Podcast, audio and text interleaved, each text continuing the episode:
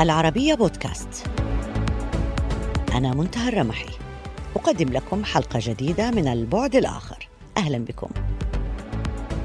الآن وقد انتهت تجربة حكم تنظيم الإخوان المسلمين في بعض الدول العربية إلى مأساة. ماذا لو تحقق الحلم الإقليمي للجماعة؟ لو حدث ذلك لكان مكتب الإرشاد والتنظيم الدولي مرجعية إقليمية ودولية تماما مثل ما كان يحكم مصر في فترة حكم الإخوان. ومثلما تنتظر حكومات دول توجيهات المرشد الأعلى للثورة الإيرانية. لكن مركب الإخوان انقلب فخسرت الجماعة أرضها الأهم مصر وتبعثرت قيادته بين السجون. كما خسرت الجماعة أرض السودان بكل ما كانت تعني وخسرت أرضا واعدة أيضا هي تونس وتلاشى حلمهم في سوريا وتغيرت مكانتهم في الأردن. فضلا عن هزيمة واجهتهم في المغرب وعن ما يحدث في ليبيا. لكن الخطر أن الأحداث جعلت من أي تنظيم إخواني محلي تنظيما تابعا لتنظيم خارجي يحاول التأقلم مع وضعه الجديد في أرض المهجر في بريطانيا وأمريكا والنمسا. يقول ضيفنا اليوم إن المؤسسات التابعة لليسار الليبرالي في دول أوروبية وأمريكا الشمالية بما فيها الميديا هي في هذه المرحلة الطرف الوحيد الذي يتعامل مع الإخوان في العالم. حيث تبدو شعبيتهم في أدنى مستوياتها منذ ما يقرب من المئة عام من التاريخ. ويضيف أن لدى الأوروبيين تخلفا زمنيا في فهم الطبيعة الإشكالية لتنظيم الإخوان المسلمين يتراوح بين الخمس وعشر سنوات. ويوضح الباحث أن استمرار التنظيم في التعامل مع هؤلاء الذين ينقصهم الفهم الضروري لهم هو قدرتهم على تقديم أنفسهم ممثلين للمجتمعات المحلية المسلمة وبدائل معتدله للمتطرفين باستخدام لغة الاندماج والديمقراطية. اسمحوا لي أن أرحب بالباحث في شؤون الجماعات الدينية السياسية الدكتور لورينزو فيدينو. أهلا بك معنا دكتور فيدينو. Thank you. Thank you very much. دعني أبدأ اولا معك من السؤال عن وضع تنظيم الإخوان المسلمين في العالم اليوم، هل فعلا انحسر التنظيم على مستوى العالم؟ أعتقد فيما يتعلق بالعالم العربي فأن انحسار تنظيم الإخوان المسلمين أصبح بديهيا على الواجهتين سواء من ناحية تراجع الدعم الشعبي أو القدرة على التأثير في الحكومات. لقد وصلنا إلى مرحلة لا نرى فيها ممثلين عن هذا التنظيم في أي حكومة عربية.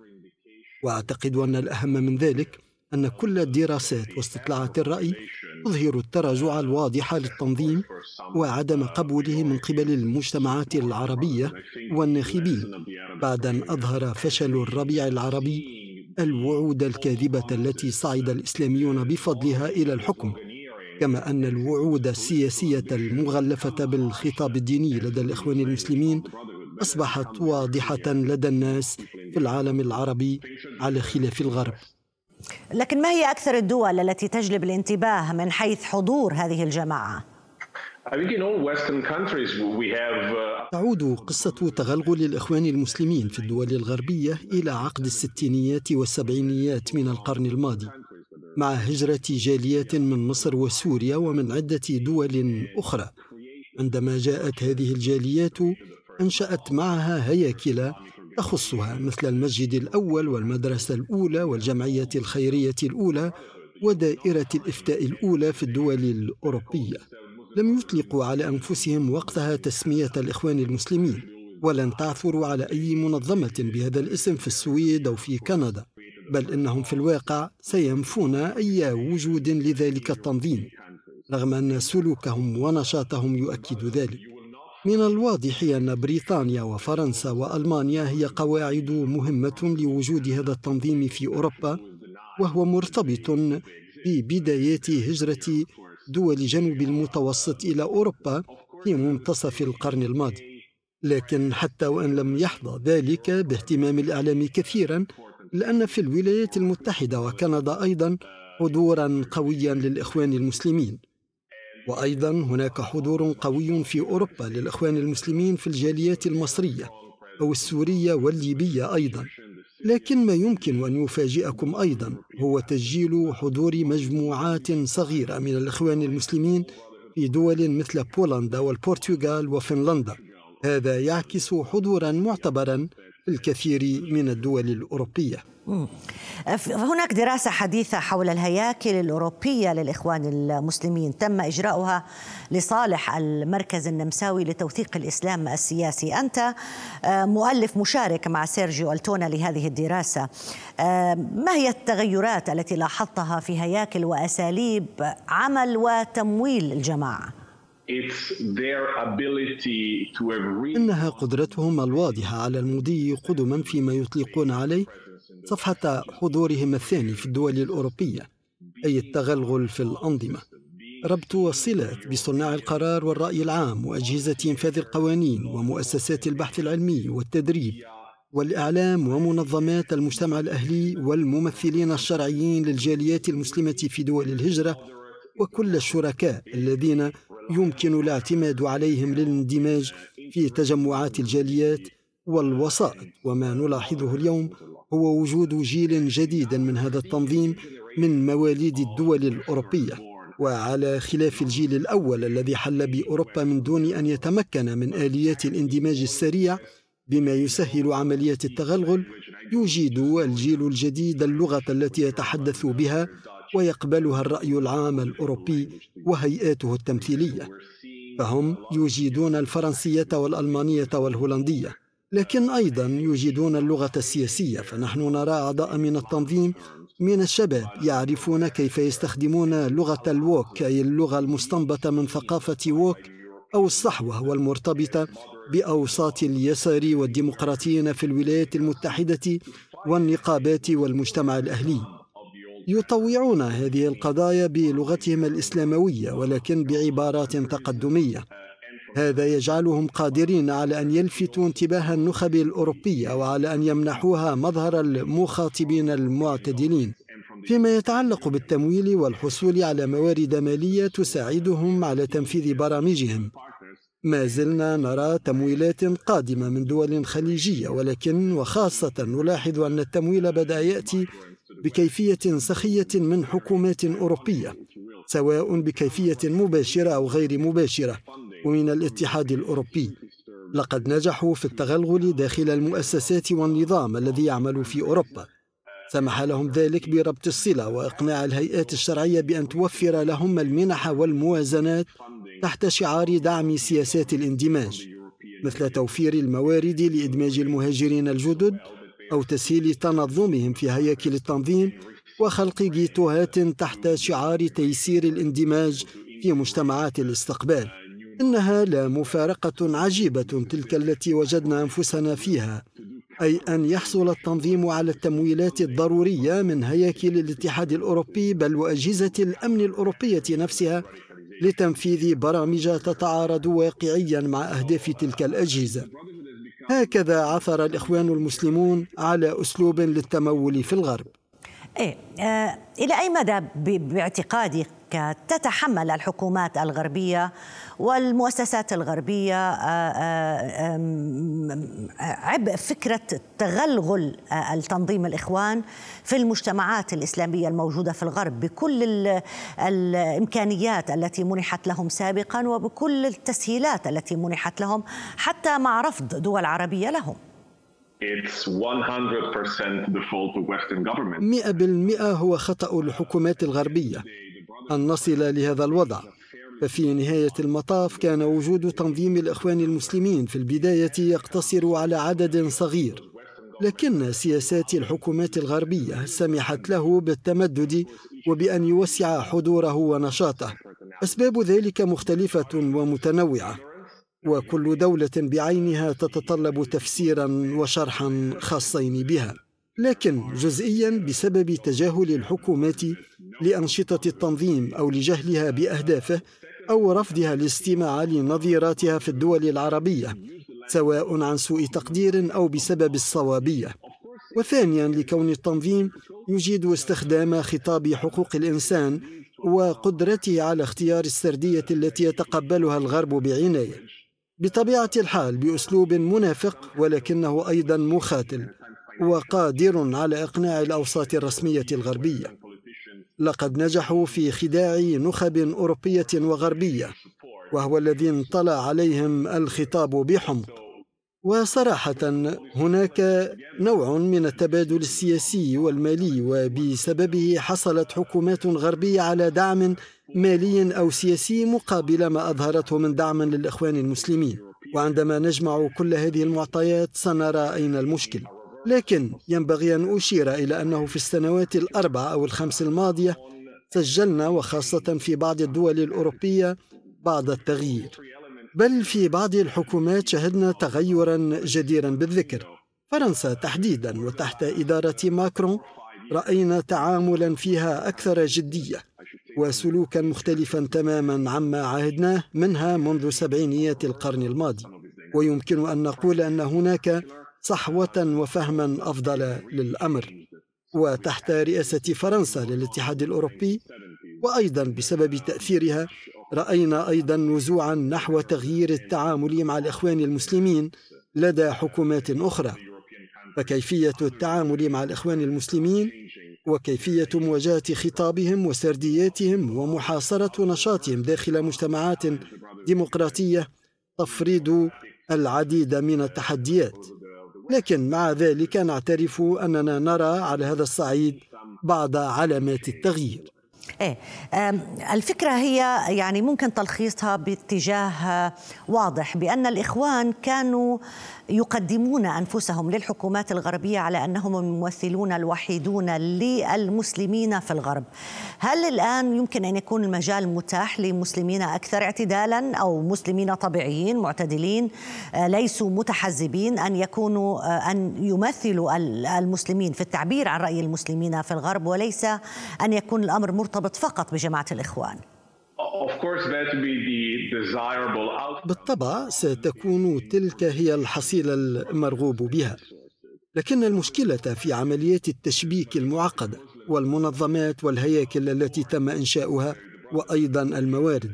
فالإخوان المسلمون أسسوها بعد عمل دقيق ومنهجي هناك الكثير من الأصوات المرتفعة التي تعارضهم وتكشف مخططاتهم. ولكن المشكلة في عدم توفر الناس العاديين على نفس الهيكلة والموارد. فالديناميكية التي نراها هي أشخاص فرادى يواجهون تنظيما بموارد ضخمة وأموال كثيرة والتوازن غير موجود بالمرة.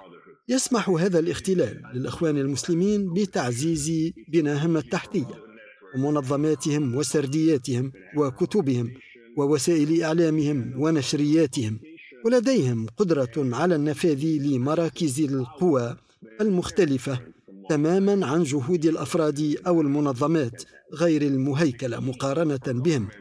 وحل الحكومات سواء الغربية أو العربية هو تمكين هؤلاء الناشطين المعزولين وأيضا منافسة الاسلاميين. هذا النفوذ الكبير لجماعة الإخوان في المجتمعات الغربية واحيانا بدعم وتمويل من الجماعات الغربية، أنت تحديدا في معلومات كشفتها حول استمرار التنظيم وفروعه والمنظمات المرتبطة به في تلقي التمويل من مؤسسات رسمية تابعة للاتحاد الأوروبي.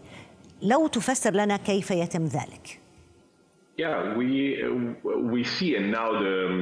نرى الآن الحكومة الفرنسية وهي تقود الجهود التي تكشف الغطاء عن منظمات مشتبه بها تقدم نفسها على أنها مستقلة في حين أنه تأكد أنها أذرع لتنظيم الإخوان المسلمين وكانت تحصل أموالا من منظمات وهيئات رسمية.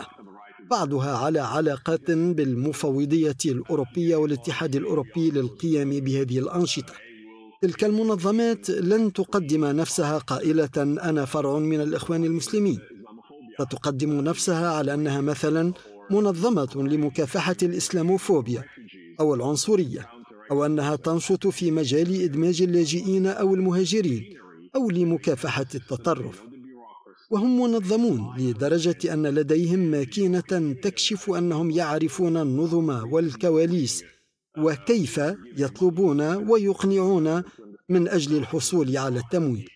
والاتحاد الأوروبي من دون أن يكون على الأغلب على معرفة دقيقة بكل هذا أو أن أنظمته البيروقراطية تحجب عنه ذلك أو ببساطة لوجود أطراف تربطها علاقات بالمشرفين من بعيد على هذه المنظمات يوافق على التمويلات.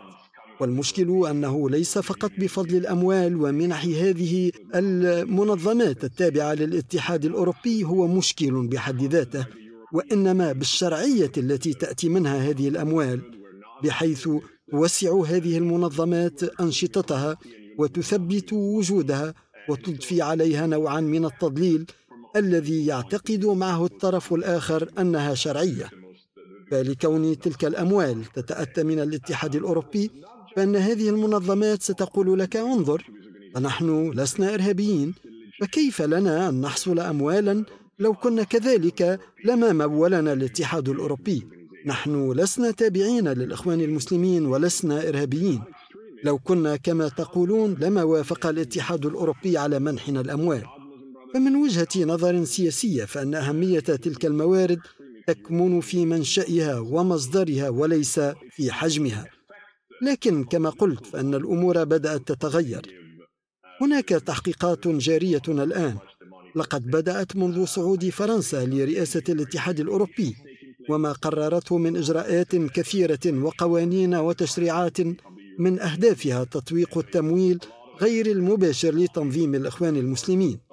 ولكنها عملية معقدة في الحقيقة تتطلب وقتا وأيضا إرادة سياسية.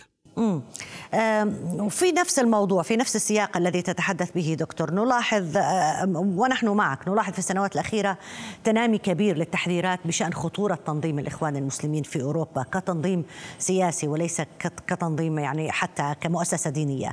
لكن مع ذلك ما زلنا نرى صعوبات قانونية في التعامل مع هذا التنظيم. هناك من يرى إنه بسبب حاجة أجهزة الاستخبارات لهم ربما أو بسبب تعاطف الإعلام معهم هناك. كيف تشرح لنا ذلك؟ التحدي نعم هو يأتي في مجمله من وجهة نظر قانونية وتشريعية فحتى في دولة مثل فرنسا والتي تعد مثالا جيدا. وأين فهمت المكونات السياسية حقيقة الإخوان المسلمين؟ لأن هناك عراقيل ماثلة أمام أجهزة انفاذ القوانين والأمن والتي عرفت بأن المتاح أمامها على هذا الصعيد محدود جدا. لأن المجتمعات الديمقراطية تقيم المنظمات وأيضا الهيئات على أساس الظاهر من سلوكها وإذا كان لا يمارس العنف. هي تهتم فقط بهذا الجانب وإذا نجحت أي منظمة في تعقيد أنشطتها لإخفاء حقيقة اجنداتها فسيكون مرحبا بها. فتصنيف منظمة ما على أنها إرهابية يقتضي أساسا ضلوعها في العنف. وأنا لا أرى في المستقبل القريب أي حكومة أوروبية تصنف الإخوان المسلمين منظمة إرهابية. والمنظمات الإشكالية وليست الإرهابية مسموح لها بالنشاط في الغرب. لكن مع ذلك هناك بعض الأمور البسيطة التي يمكن القيام بها ولكن حقيقة من الصعب تصور أنه بالإمكان إخراجهم من المشهد وربما يكون هذا أسهل من الحكومات لأن الحكومات العربية تعبت الحقيقة في محاولة إيصال هذه وجهة النظر هذه للدول الغربية. آه، آه، هل هل أصبح معروف في أوروبا أو من خلال دراساتك هل عرفت كيف يتسلل هؤلاء إلى المنظمات الأكاديمية وإلى المنظمات الدولية؟ هل هي بنفس الطريقة التي بيحصلوا فيها على التمويل أم أن هناك طرق of إنه خليط من الجهود. الأموال والموارد لها جزء كبير من ذلك. وفي الميدان الأكاديمي والجامعي يعتمدون على ذلك بشكل أساسي مثلا لهم داعمون أقوياء يغدقون أموالا كثيرة على الجامعات لإحداث مناسبات معينة أو لتمويل بحوث أو غيرها وأيضا للإنفاق على مؤسسات التفكير والنقاش للتعاقد أو جلب شخصيات معينة أو مفكرين مقربين من التنظيم. لقد أصبح من الواضح والبديهي أن نرى العلاقة الوثيقة بين مؤسسات البحث العلمي والأكاديمية الغربية مع أوساط الإخوان المسلمين والتمكين لداعميهم أو أنصارهم من النفاذ إلى هذا الجزء من صناعة الرأي العام والتأثير في صناع القرار. وفي الحقيقة فقد كان ذلك نتيجة عمل سنوات طويلة. لم يبدأ ذلك في السنوات الأخيرة وإنما بدأ في عقد السبعينيات من القرن الماضي. والآن ترون النتيجة. هذا هو الجزء الأول. الجزء الثاني هو قدرة الإخوان المسلمين على التحدث بالخطاب السياسي الملائم باستخدام مواضيع تجد صداها عند شعوب عبر نخبها وفي قلب النقاش السياسي في الغرب لصنع الأصدقاء وبناء التحالفات والتشبيك. ليس مفاجئا مثلا وقد يكون مفاجئا لدى العالم العربي وليس أوروبا أن نرى أشخاصا أو منظمات من الإخوان المسلمين أو على علاقة بهم يعملون بلا هواد مع جماعات المثليين والجماعات التي تدافع عن الأقليات الدينية الأخرى وحتى الجماعات الحقوقية الأكثر إثارة للجدل. وفي نفس الوقت فإن هذه المنظمات تضم شخصيات معارضة للمثليين ومعادية للسامية لكنهم يعرفون أنه يتعين عليهم بناء تحالفات مع جماعات المثليين لاستغلال شبكاتهم وكل ما قد تتيح من آليات ضغط وتأثير في المجتمعات الغربية. كما أن ذلك يسبغ عليهم صورة الأشخاص وصور المنظمة الديمقراطية والمنفتحة وغير المتطرفة أو المتشددة والتي تحاكي كل مثلي التعايش الغربية. هم يبدعون في أداء هذه اللعبة التي يتخذونها مطية لبناء رأس مال سياسي لكنهم في نفسهم وداخل مجتمعاتهم الأصلية يتحدثون لغة مختلفة تماما إنهم محترفون في الخطاب المزدوج. وهذا أظهرته كل الانتخابات التي جرت في الدول العربية بعد الربيع العربي. الكثير داخل المجتمعات العربية يعرفون ذلك وأنا لست الوحيد وأيضا حتى في المجتمعات الغربية. ونحن نرى تغيرا في سياسة الكثير من الحكومات الغربية وأجهزة إنفاذ القوانين في الغرب خلال السنوات الخمس الأخيرة ولا سيما من حيث الفهم الأكثر للتنظيم. ولكن هناك شبكة معقدة كثيرا من الداعمين للتنظيم. تم العمل عليها على مدى خمسة أو ستة عقود وهو ما يزيد من تعقيد أمر مواجهتها. صحيح. صحيح. لكن هل هناك بحث في طرق تمكن أو خطط تمكن من مواجهة هذا التسلل للإخوان في المؤسسات الأوروبية؟ أعتقد أن أحد أساليب مواجهتهم هو إظهار وفضح الفرق بين ما يقولون وبين أهدافهم. واجنداتهم الحقيقية. هناك عمل كبير هنا من قبل الباحثين وأيضا الإعلام بكشف سلوكات الكثير من شخصيات الإخوان المسلمين مقارنة بتصريحاتهم. هناك من هم من صفوفهم الأولى ويعرفون مثلا بالدفاع عن حقوق المرأة في حين أنهم يحاكمون في الغرب الآن بتهم مروعة مثل الاغتصاب وممارسة الوحشية عند ارتكاب جرائم الاغتصاب وغيرها من الأعمال التي تفضح حقيقة نظرتهم للمرأة أو أولئك الذين يدعون في الإعلام أنهم يقبلون التعايش بين الأديان والأقليات وداخل المساجد يصرحون بما يعارض ذلك تماما حد التطرف. وبطبيعة الحال عندما يتم كشفهم يفقدون الكثير من مصداقيتهم. أعتقد أن الأمر يتعلق بالتربية والدربة على التعريف بأهداف وأجندات وبرامج هذه الشبكة ورؤاها الحقيقية. وكيف أن تصميمها بني على نظرة للمجتمعات الأوروبية تقوم على الاستقطاب الذي يضع المسلمين في مواجهة أوروبا. وهناك شخصيات وأطراف تشير إلى ذلك صراحة وبكل انفتاح لكن التحدي هو في كيفية إظهار ذلك لدوائر صنع القرار في أوروبا وإقناعهم بها وإفهامهم أن دعمهم لأوساط الإخوان المسلمين ينطوي على الخطر. وأنا أعرف أن هناك الكثير من أجهزة الأمن والاستخبارات في أوروبا تشعر بالإحباط بسبب السياسيين الذين لا يستمعون إليهم عندما يقولون لهم إن الإخوان المسلمين مشكلة وأنه لا يتعين على هذا الطرف الرسمي وذاك العمل معهم. نحن في مرحلة توجد فيها أطراف تفهم حقيقتهم لكن إقناع الطرف المقرر داخل أوروبا ذلك تحد آخر. وما بني في عقود من الزمن ربما بحاجة لفترات طويلة أيضا وعقود لمحاربة خاصة أسلوب اللوبيات وخطط التسلل داخل المؤسسات الأوروبية. شكرا جزيلا لك دكتور لورنزو فيدينو الباحث في شؤون الجماعات الدينية السياسية. ألف شكر لك على المشاركة معنا. Thank you very much. My pleasure. وإلى هنا وانتهت حلقة اليوم من برنامج البعد الآخر. يمكنكم دائما متابعتنا على مواقع التواصل الاجتماعي تويتر فيسبوك ويوتيوب. إلى اللقاء.